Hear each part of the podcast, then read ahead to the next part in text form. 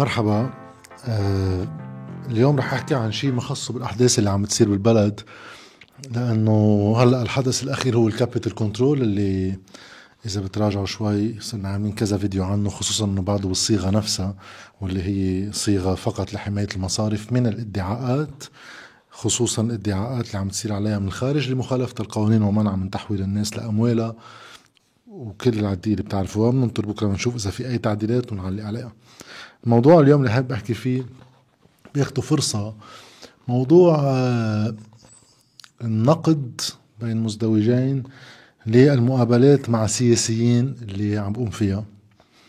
أخرهم جميل السيد قبلهم في آه، فارس سعيد.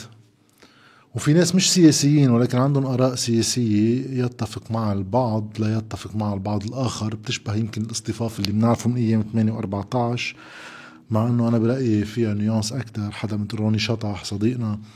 آه، منه فقط بقصة 14 ولكن في ناس معقول تشوفوا هيك.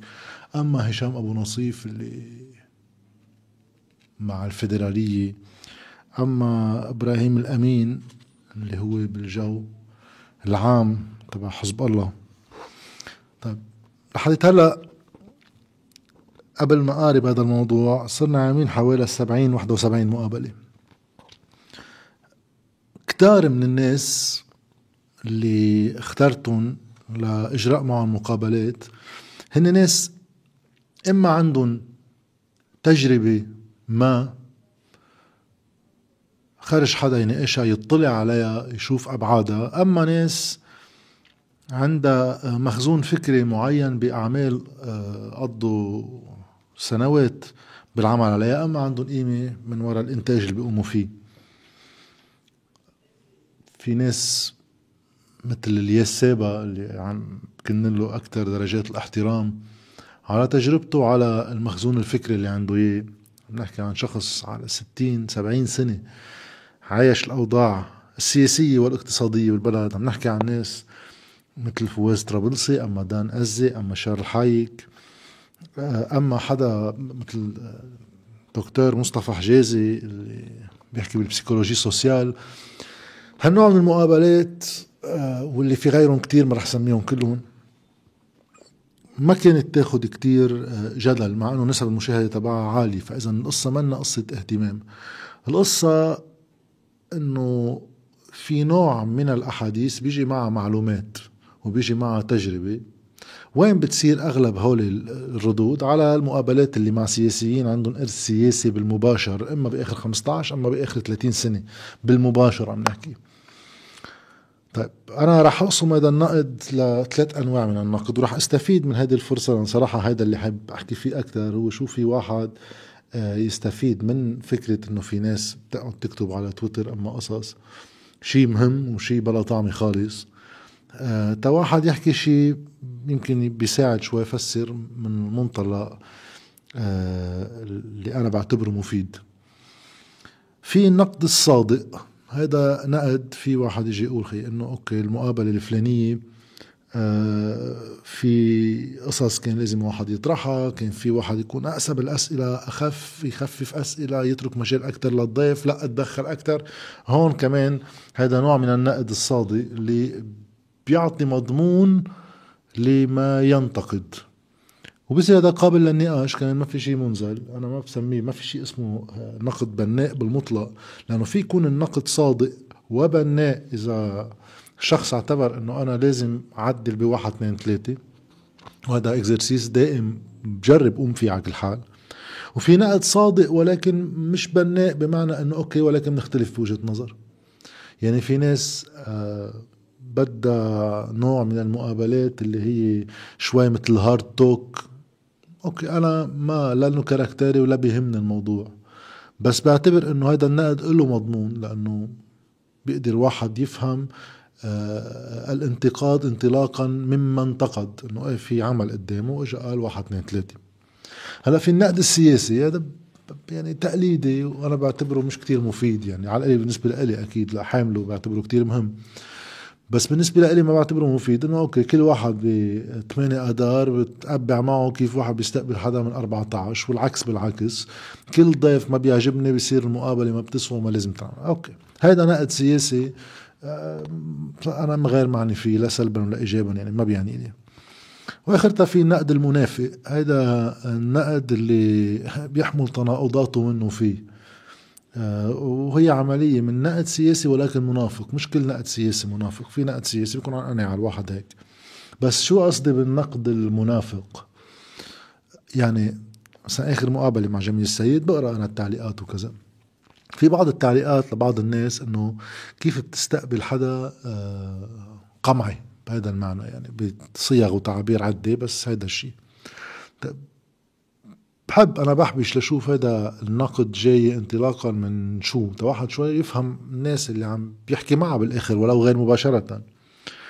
بفوت بشوف إنه هيدي الأشخاص مش كلها ولكن جزء منها مثلا هي تابعة لأحزاب كانت تقتل على الهوية مثلا. بتشلح الناس مصريات على الطريق. هول نقد منافق يعني هذا إنه بده يفوت بقصة اللعبة تبع هيدي الباينري وشيطنة الفريق الآخر وتقديس الذات. بصير إذا هو قتل هي عملية آه، مقاومة ولا مشروعة ولا شو ما كان يكون. وإذا غيره عامل نفس العمل اللي هو بيقوم فيه بصير هذا شيء جريمة كبرى. هذا كمان ياما في عنا منه هذا كمان غير معني فيه. صعب بيجاوب شوي على بعض القصص اللي بعتبرها خرج واحد يجاوب عليها. جملة كيف بتستقبل أما بتعطي منبر لناس إما فاسدين إما آه، آه، شو بعرفني عملاء إما قاتلين إما قامعين إما شو ما كان. هي قصة كيف تعطي منبر وكيف تستقبل أنا بالنسبة لي هي الفكر القمعي بحد ذاته شو كيف تستقبل أكيد أول شيء بده واحد يحط معيار لمن يستقبل وبعدين بده يحترم المعيار. ليبقى الحوارات هادفة بالدنيا لأن في كل واحد كل وقت واحد يحكي مع مين ما كان كل الوقت وما في شيء ضرر بهالموضوع. ولكن المعيار تيكون هيك هادف. وتواحد خصوصا إذا كان عم يعتبر نفسه آه، شو بعرفني تغييري آه، آه، بده واقع مختلف ضد القوى القمعية ضد قمع الحريات كل هيدي الباقة من القيم يعني. شو يعني بيجي واحد بيقول كيف بتستقبل فلان يعني هذا الكلام وكأنه واحد عم بيقول إنه من خلال الإعلام يجب إسكات أم قمع أم إخفاء شخصيات معينة وهذا الشيء يعني واحد يجوز إذا شخص هيك قاعد ببيته وعنده آراء يمكن تكون نازيه مثلا إنه شو تستقبلوا الطلاق يعني؟ ليش بدك واحد يحط ضوء بس وقت واحد عم يستقبل ناس بتمثل شي تلت البلد وشي آه، ربع البلد وشي نص البلد مش بأشخاصهم ولكن بالفكرة اللي بيحملوها معهم يعني. إذا اليوم فارس سعيد بيطلع عم بيحكي بمنطق 14 اذار هذا مش إنه أنا عم بستقبل شخص يا إنه ليش بتعطيه هوا؟ استقبل شيء نص الشعب اللبناني تلته اللي هو. مقتنع بهذا الكلام فمع مين بدي أتناقش أنا؟ النقاش مع الحوار مع مين بيصير؟ أما حدا مثل جميل السيد اللي مش ضروري بشخصه له ولكن بما يمثل بالفرق السياسي بالبلد بمثل كمان نص اللبنانيين تلت اللبنانيين اللي هن. فهيدي إنه كيف بتستقبل وهيدي محاولة التكفير والتخوين هيدي حتى وإن صدرت عن ناس آه، تغييريين علمانيين طائفيين شو ما كانت تكون أنا بالنسبة لي هذا هو الفكر التكفيري بحد ذاته اللي هو بيحاول كمان يرجع بدل ما يكون ضد النظام اللي خلق هيدي الثنائيات القاتلة إما معي إما ضدي وبتصير خائن إما بطل وبس وما في محل للنقاش أصلا بهيك منطق. لا بالسياسة ولا بشيء. بدل ما واحد يكون ضد المبدأ تبع وجود هالفكرة بيصير هو ضد أطرافها. يعني بده يكون هو طرف من هيدي اللعبة. مش حدا غيره. لا هذاك ما بيسوى ولا فاسد ولا شو ما كان يكون. بصير أنت بتستخدم نفس المنطق تبع هوليك الخصوم. ممنوع نستقبل فلان وممنوع نستقبل علان وبدهم يجربوا يعملوا شيء بيشبه يعني على اللبناني طبعا. معدل cancel culture يعني على يعني قد ما هي عظيمة برا لازم نستوردها. من أسوأ الأفكار معقول واحد يطبقها. وتواحد يعرف قديش سوء هالنوع من الأفكار. يفكر لو طبقت. يعني لو اجى واحد اجى قال عظيم هات لا آه، ما بستقبل حدا من هون أنا وما بحكي مع حدا من هون. وصار وضعية السياسية تبع هالأفكار اللي بيمثلها. هيدا تكبر أما جمهوره يكبر أما channel تكبر وكذا. بالآخر شو راح يلاقي حاله هو؟ مثل OTV أما ال NBN أما المستقبل أما المنار أما هو التلفزيونات الحزبية وال website ات الحزبية. حفلة بروباغندا لأنه هيدا آه، جاي يشد عصب ناس معه بين مزدوجين مع فكره. آه، مش جاي يناقش خصوم ليقدر يوضح أفكاره. راح أحكي عنها بالآخر اللي هي الفكرة الأهم بالنسبة لي على كل حال. فهو هن الأمور اللي أنا بعتبرها سيئة للغاية.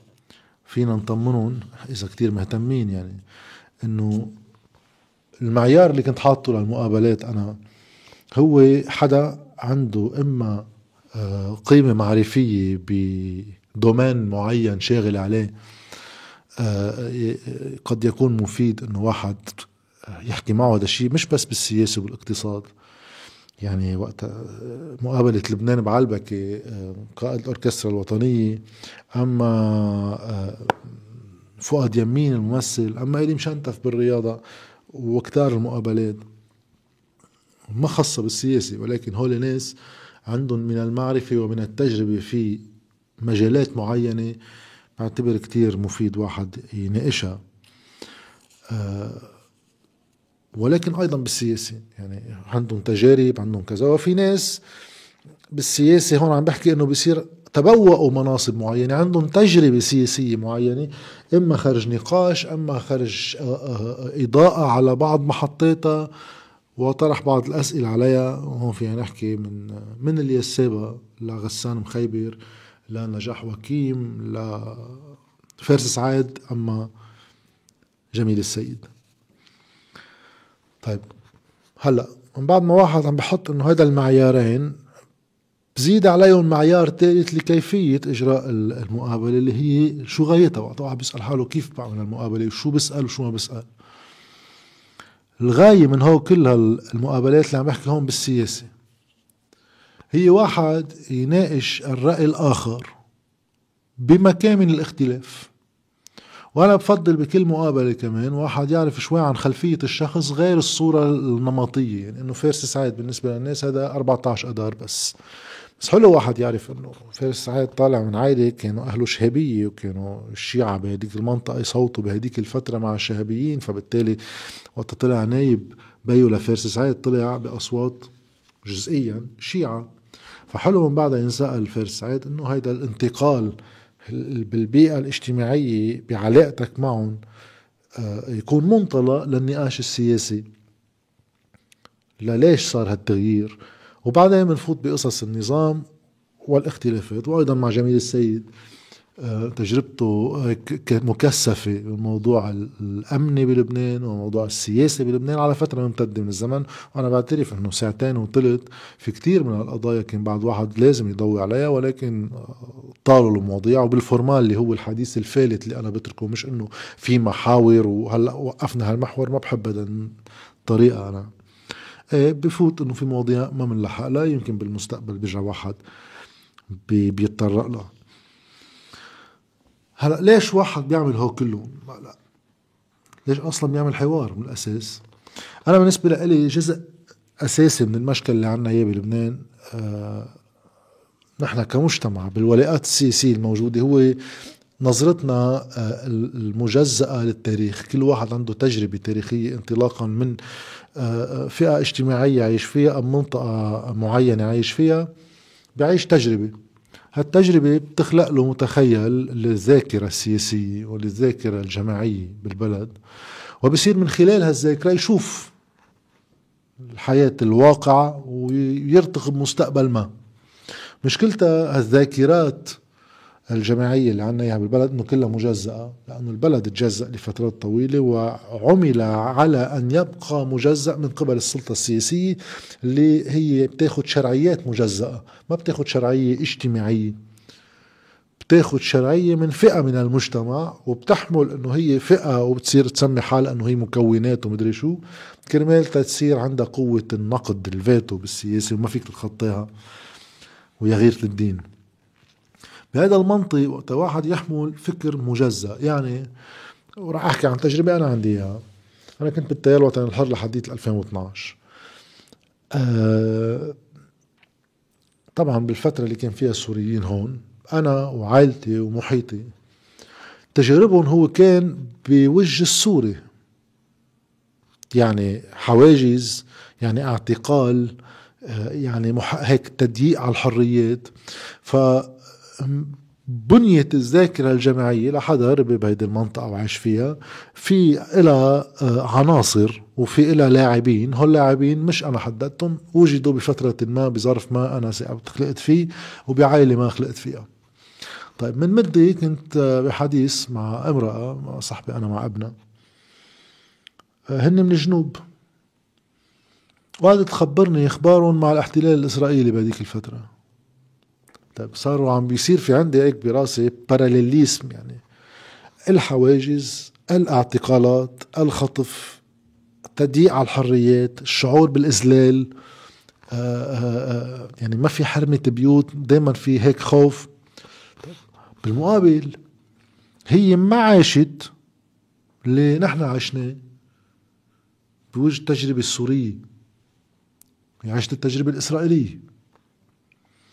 فبالنسبة لها عندها خصومة عالية وذاكرة مثقلة أيام بالدم وأيام بالذل. من جراء الإسرائيلي بمناطق تانية ما عندهم أبدا هيدي الذكرى. عندهم ذكرى تانية بوجه السوري هي ما عندها أبدا ذكرى بتشبهها. فبصير وقت واحد يحكي عن إسرائيل أما خطر إسرائيل. أما المخاوف من سوريا هاي بتطن بكل دينة شكل. وما بتنسمع بنفس المعنى عند كل الناس. فجزء أساسي من عملية مش السلم الأهلي، السلم الأهلي هو إنه نوقف المدفع ويبقى الناس حاضرة لمدفع جديد لو بعد خمسين سنة، إذا الذاكرات الجماعية بتبقى عم تبني حالها على حالها ويبقى في براس كل واحد آخر غريب بتجربته بخصومته وبصداقاته. لأنه التجربة مختلفة. لا إنهاء الحرب الفعلي المطمئن أكثر واحد يقول إنه لا السلام منه منه كافي. وفي حاجة للتصالح الاجتماعي يكون حقيقي. وهذا الشيء جزء منه آه واحد يعرف شو مسؤوليته تجاه تاريخه التاريخ اللي هو عايشه ذاكرته. ولكن أيضا شو مسؤوليته تجاه ذاكرة حدا مواطن معه بهذا البلد عايش تجربة أخرى. يفهمها. في يبقى مختلف معها بس بصير يفهمها على القليل بنصير نشوف الاختلاف بعين مختلفة. طموح وردي ولكن إذا في آه، غاية من حوار بالنسبة لإلي ببلد بالتركيب اللي عنا إياه بالبلد هي هيدي. فمن هون بصير الحوار مع من نختلف معه أهم من مع من نتفق معه. اثنيناتهم مهمين لأنه الحقل المعرفي واسع وفي ناس بقضايا بتقدر تغني ناس ما عندها نفس العمق فيها وهول الناس بيقدروا يغنوا. ولكن أيضا آخرتها النقاش الحقيقي والحوارات الحقيقية إذا لابد منها هي محل ما في اختلاف. آه من هون أنا يعني كمان تنضم منهم للشباب المنزعجين إما من مقابلة جميل السيد إما فارس سعيد إما أسعد بوخليل إما هشام بونصيف إما روني شطح إما ما بعرف. إبراهيم الأمين ام نجاح وكيم. هالنوع من المقابلات اللي كانت أقلوية كتير؟ لأنه أنا كان عندي هيك قرار بيني وبين حالي ما بدي أعمل انتخابات سياسية قبل الانتخابات بهالمعنى السياسي كل المقابلات سياسية ولكن مع شخصيات بالاصطفاف التقليدي بالبلد لأنه ما بدي أعطي منصة إضافية ترتبط بالانتخابات نفسها. خلصنا آخر شيء أنا ترشحت على الانتخابات ما رجعنا عملنا ولا مقابلة بس ما كنت بالحسبان بوقتها هيك القصص. صارت قصة الترشح آخر شهر ونص. وكان المشروع عندي من الأساس أنه واحد يعمل هالنوع من الحوارات لاحقا مش تتصير هي الحوارات الغالبة لا. بس إذا قبل كانت فعليا ما بعرف إذا كانت تطلع 5% من المقابلات في واحد يعليها لتصير 30% من المقابلات مع شخصيات سياسية. وأنا يعني كمان تنطمن زيادة اللي بحبوا ال cancel culture إنه أنا بتمنى الحوارات هيدي نوصل لمحل نقدر واحد يعمل محاورات مع الزعماء الأساسيين.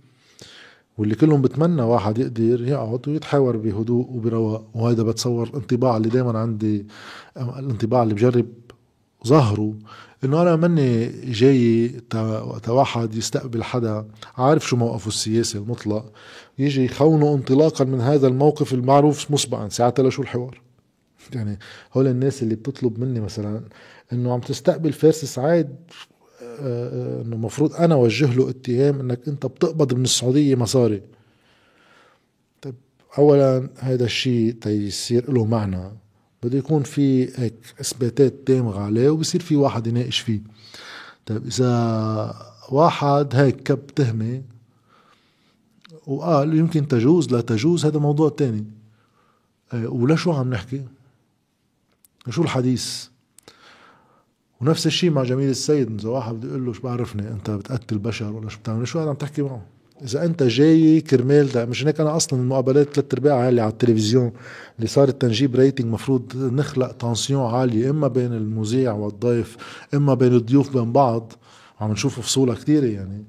وقفت أحضرها بس كرمال الصحة النفسية يعني والصحة العقلية تبع الإنسان إنه هذا آه، حفلة صراع الديوك يعني أساسا على الديوك ما بحبه كيف على البشر يعني. أه لا أنا الضيف اللي بيجي عادة بيهمني أكثر ناقشه بمنطقه إله يعني بمنطقه إله هل يقوم؟ من وجهة نظري لا. من وجهة نظره إيه؟ فبصير في نقاش ما بيجي بواجهه بمنطقي إلي أنا كيف بشوفه وبلزمه بشخصه يعني اسنشاليزم يعني تروح على أساس الشخص وتنتقده. لا عم بحكي بالبنية السياسية الفكرة السياسية اللي برأسك. من هون بنطمنهم إنه رح يبقى هذه المقابلات. وأكيد رح يبقوا المقابلات اللي أنا بحبها أيضا اللي هي المقابلات مع الناس اللي عندها إما تجارب إما كذا وبتصور شفتون بآخر 70 71 مقابلة.